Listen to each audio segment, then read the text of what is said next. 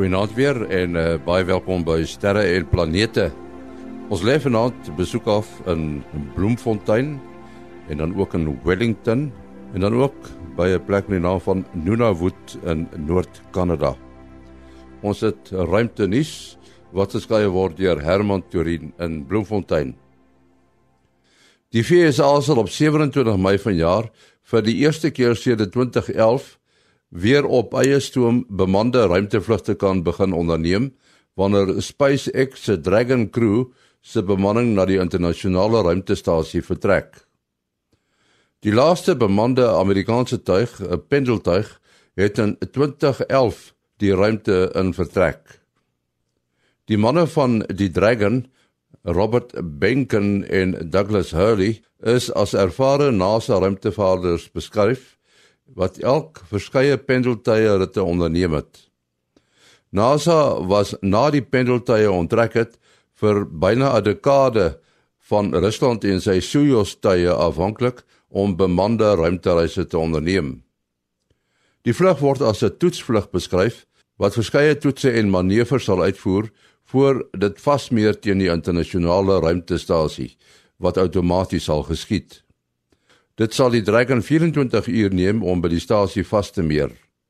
Gewoonlik neem dit die Soyuz 6 ure om van die aarde af tot by die internasionale ruimtestasie te reis. Hoewel die Dragon vir meer as 211 dae in die ruimte kan deurbring, is dit nog nie bekend hoe lank die uitstapie sal duur nie. Dit sal afhang van die lanseringsgereedheid van die volgende bemande tuig.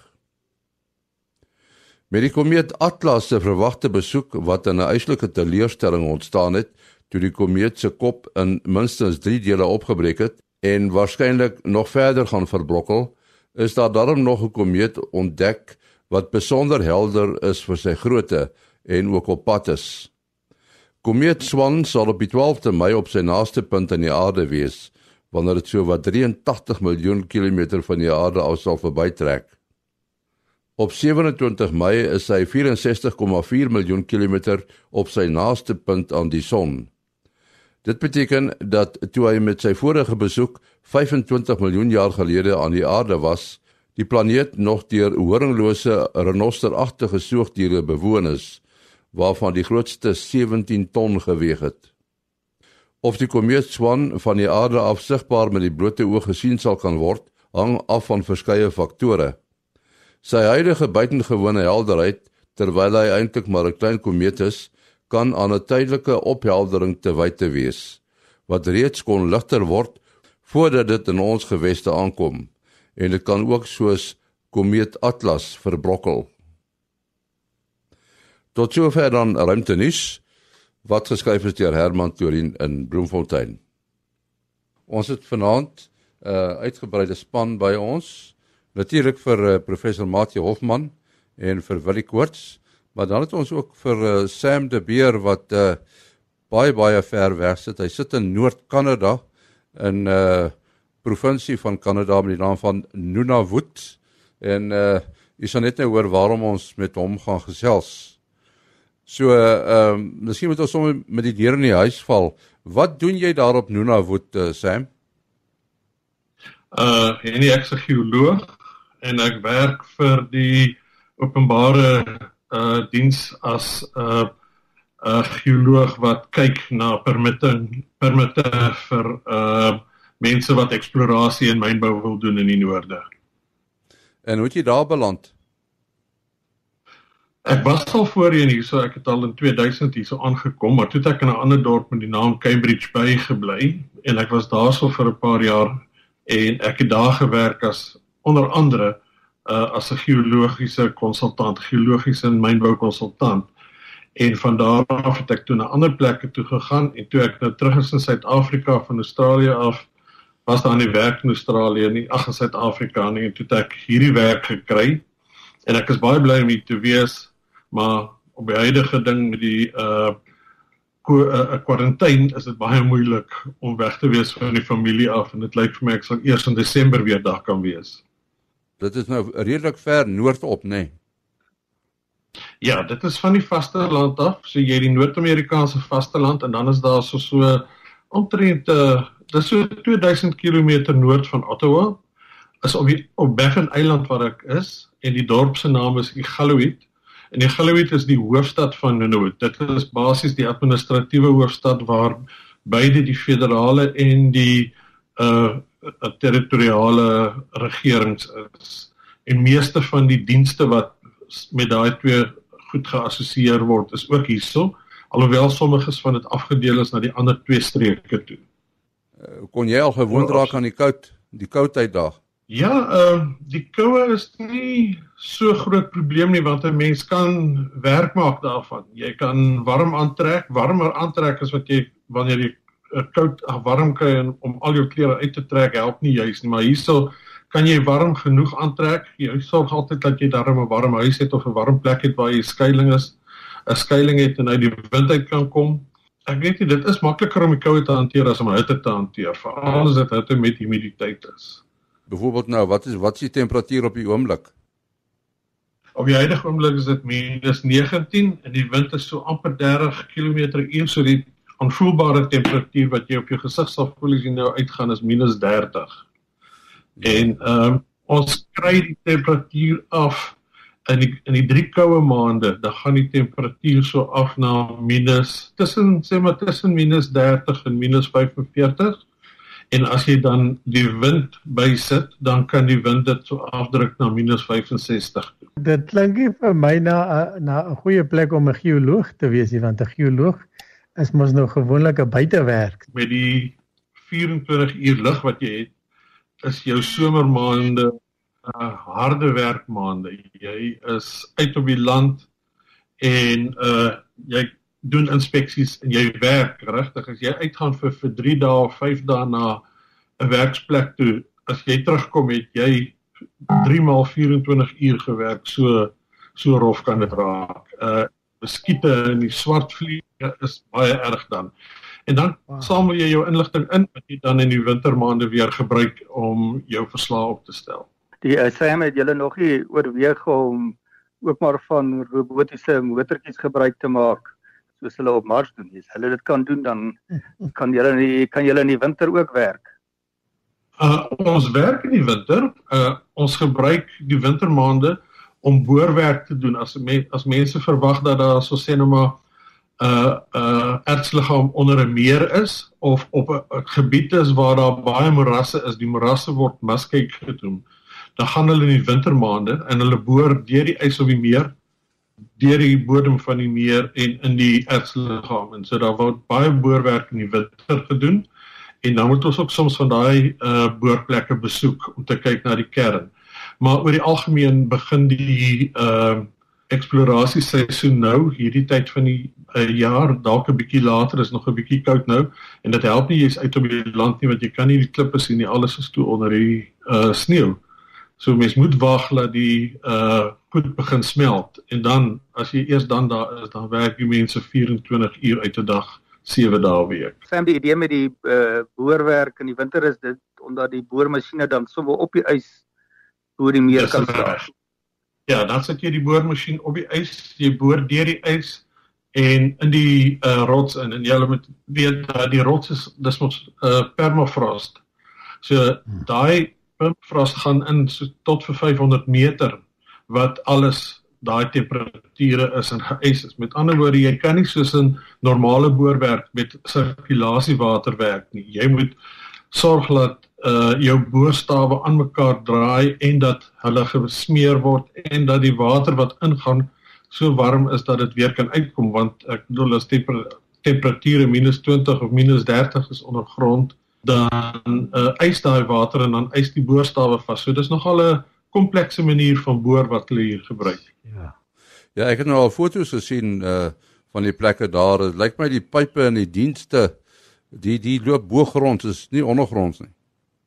Nommer 1 is dis amper onmoontlik om gate te grou.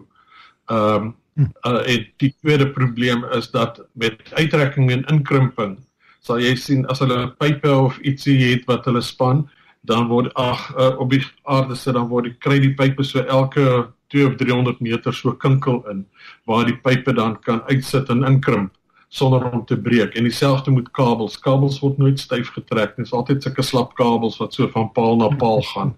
Selfde rede dat as hulle krimp en styf trek, laat hulle nie breek nie. Ja, dan moet ons uh, praat oor die auroras want uh mense sal nou dink daai gebied waar jy is, kan 'n mens die auroras mooi sien. Vertel ons daarvan.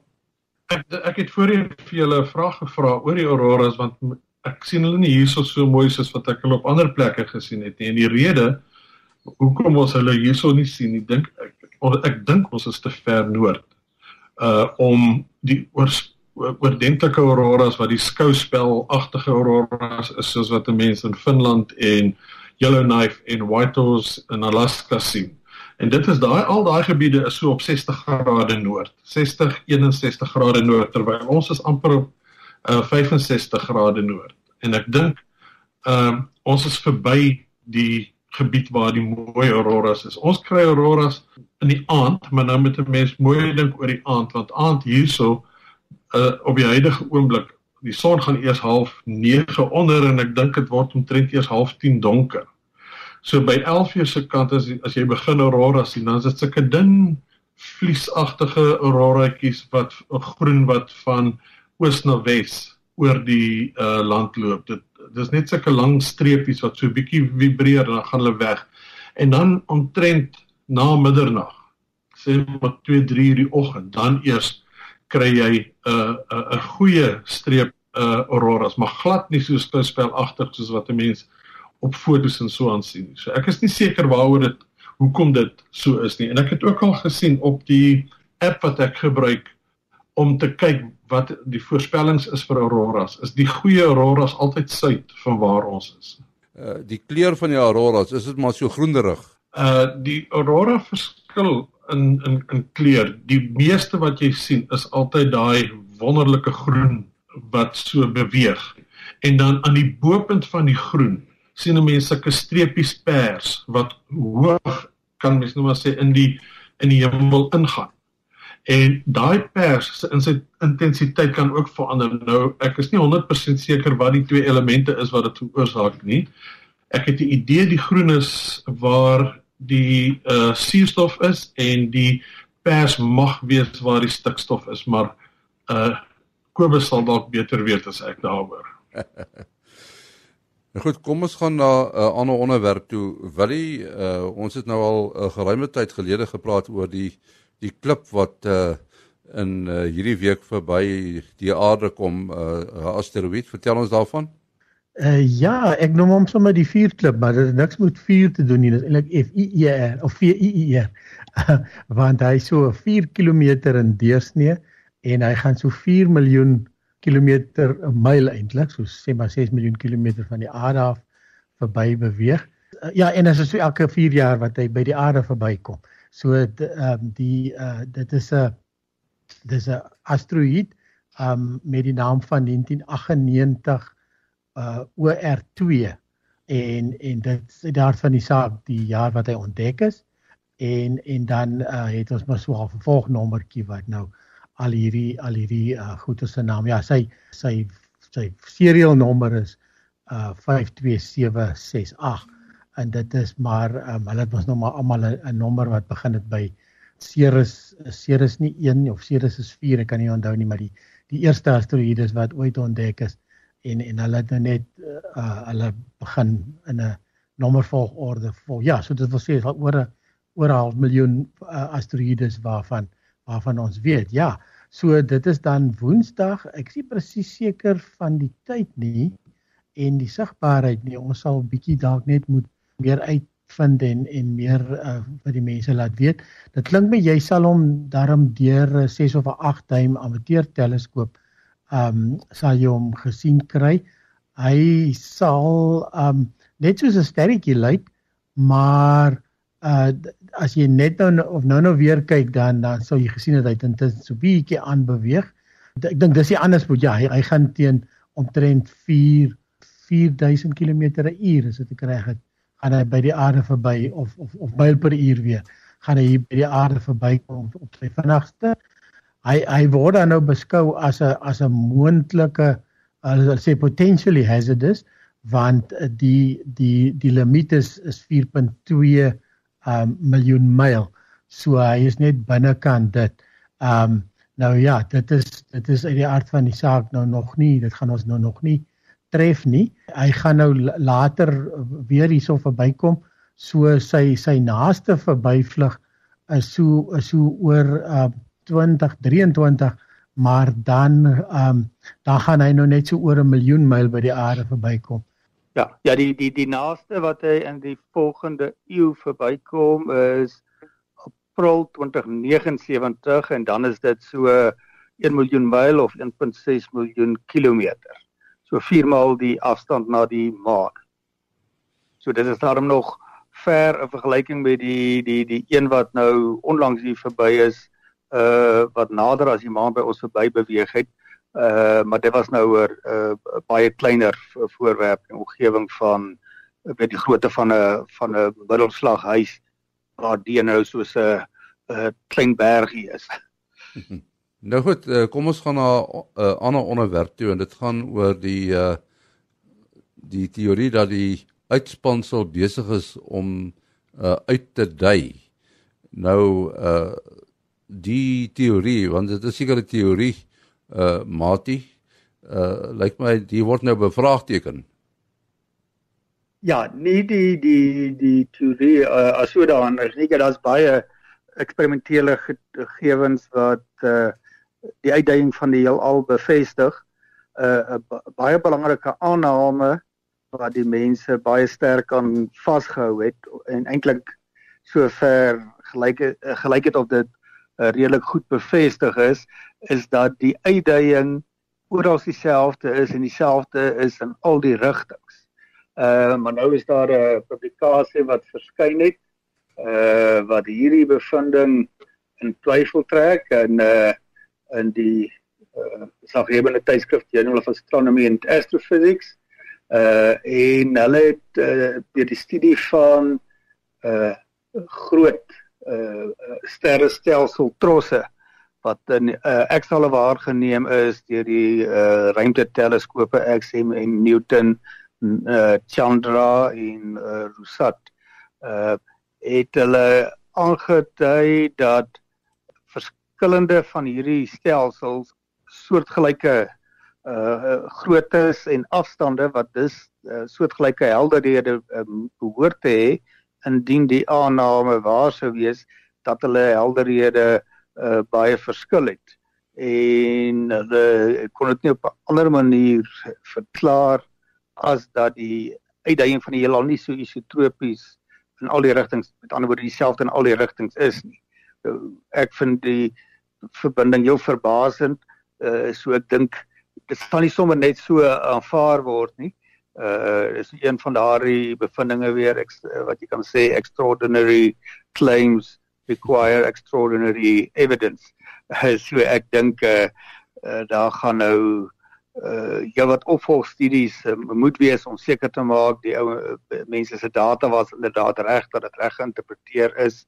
Ehm um, maar dit is glad nie in lyn met die algemene opvatting oor wat in die uh heelal aangaan nie.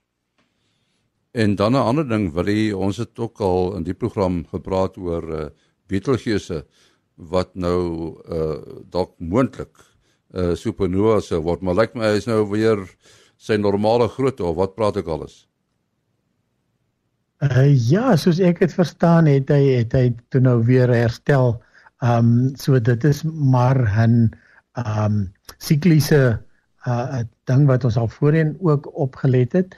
Ehm um, die keer het hy nogal redelike lae dip gaan vat in in in in helderheid en en toe ehm um, wat is dit nou so uh 2 3 weke gelede ehm um, het het hy toe nou weer verhelder en en is nou weer amper terug by sy by sy oorspronklike helderheid. Ek ek weet nie of Mati dalk meer inligting het oor oor die meganisme daar agter dalk. Hy was op sy dofste vir baie dekades uh, so 2 maande terug uh, op 'n helderheid van uh, so net onder 0.4 en nou sê hy terug na 95% van sy gemiddelde uh, helderheid en uh, uh wel hulle het gedink die daai groot verandering moet doen hê aan sy binnewerke en die konveksiestrome wat daarmee geassosieer is. Hy's mos nou baie groot. Hy strek sou as hy nou was waar die son was sou hy strek tot daar by Mars verby. En uh waar daar nou konveksiestrome in die son is, is dit 'n uh, klein klein strukture, maar in die geval van uh, van Betelgeuse kan dit enorme groot strukture wees wat daar dan nou skielik 'n groot klomp koue gas uit uh sou uh, uitbeweeg te was die moontlike verklaring uh wat kon geassosieer wees met groep uh, uh baie spesifieke prosesse in die binnekant wat dan nou dui dat hy op pad is na 'n supernova te te word maar uh, dit is toe mos nou op die ou end vir, vir verklaar deur verdere waarnemings as uh sogenaamde stof wat deur die ster uitgewerp is en toe uit uh, uh uitgesit het groter geword het en dus 'n deel van die ster uh, uh ver, verduister het. En daai in ons in die geval is stof nou eintlik groot mo molekules soos helium en groter, enigiets wat nie waterstof is nie. Uh so van die sterre hemel gepraat, Sam, jy het seker ja. baie mooi sterre aande daar, wat ek bedoel daar is nie eintlik wolke nie. Ehm um, ons kry soms 'n bietjie wolke, maar jy's reg. Ons sterrenagte hier is, ongelooflik mooi want daar's geen besoedeling nie, niks ligbesoedeling of uh, ander ligbesoedeling nie. So die, die nagte is pragtig. Die enigste nadeel is dat in die winter wanneer jy regtig mooi sterre het, is dit so koud buite dat jy nie 'n teleskoop kan uitvat nie. en selfs 'n kamera, as jy wil foto's neem, die kamera se battery is nie gemaak om in sulke koue te funksioneer nie. Jy's gelukkig om 3 of 4 lang uh fotos te neem en daarna moet jy weer jou kamera gaan laai of jou battery binne in jou baadjie sit laat hy warm kan word. En dieselfde met die kamera se se parte, hulle funksioneer nie so goed as dit so koud is nie. So dis so tipe van 'n catch 22 in die somermaande wanneer jy buite kan wees, is daar nie sterre nie. In die wintermaande wanneer die sterre daar is, dan kan jy nie buite wees nie. Ja, ek dink wel jy het gesê kyk veral op Sutherland, dit word nou nie so koud daar soos daar by Samuel nie. Maar eintlik as jy nou 'n goeie sig wil hê, dan moet jy koue toestande hê, is ek reg? Ja, dis korrek. Ja, die koue help definitief.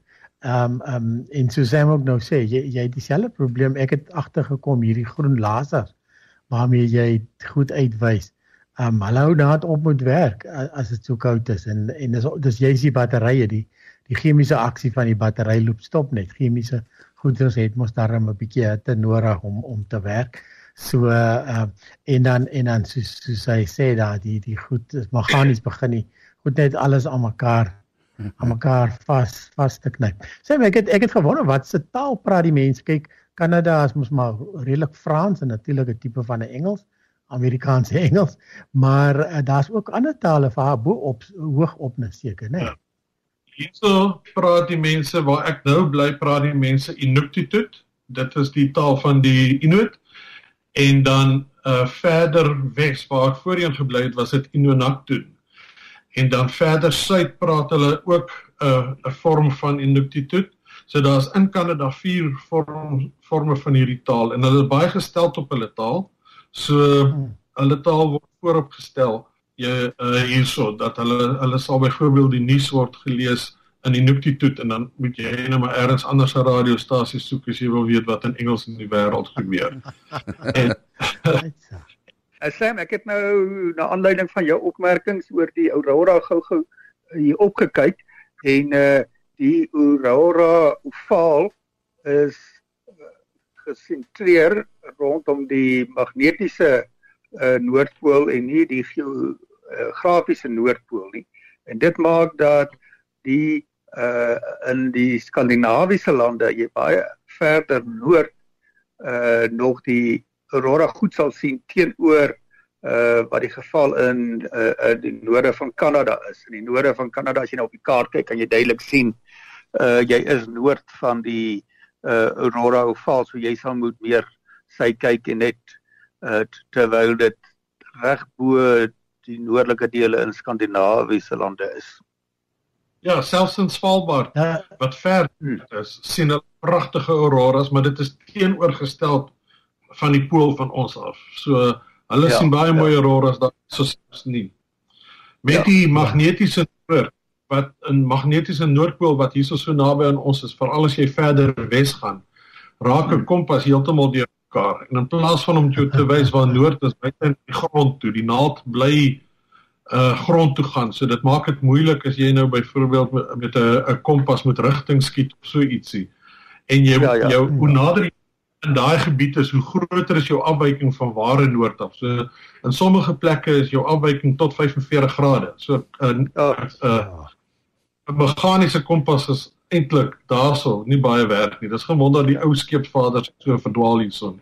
Ja, ja, in die afgelope eeu die afgelope eeu het die magnetiese noordpool ook al nader aan Kanada uh beweeg. Dit het 'n ja, noemenswaardige noemenswaardige afstand in terme van kilometers, honderde kilometers. Uh ja. indien nie 'n paar duisend nie, dink ek oor die eeu beweeg. Ons moet uh afsluit. Uh Sam, as mense met jou wil korrespondeer oor daardie omgewing wat jy is, uh, wat is jou e-posadres? samdebeer16 @gmail.com. Sê hom weer. Samdebeer16 soos samdebeer16 @gmail.com. So die samdebeer16 is aan mekaar, né? Nee? Alles aan mekaar, ja. Goed, Willie. 0724579208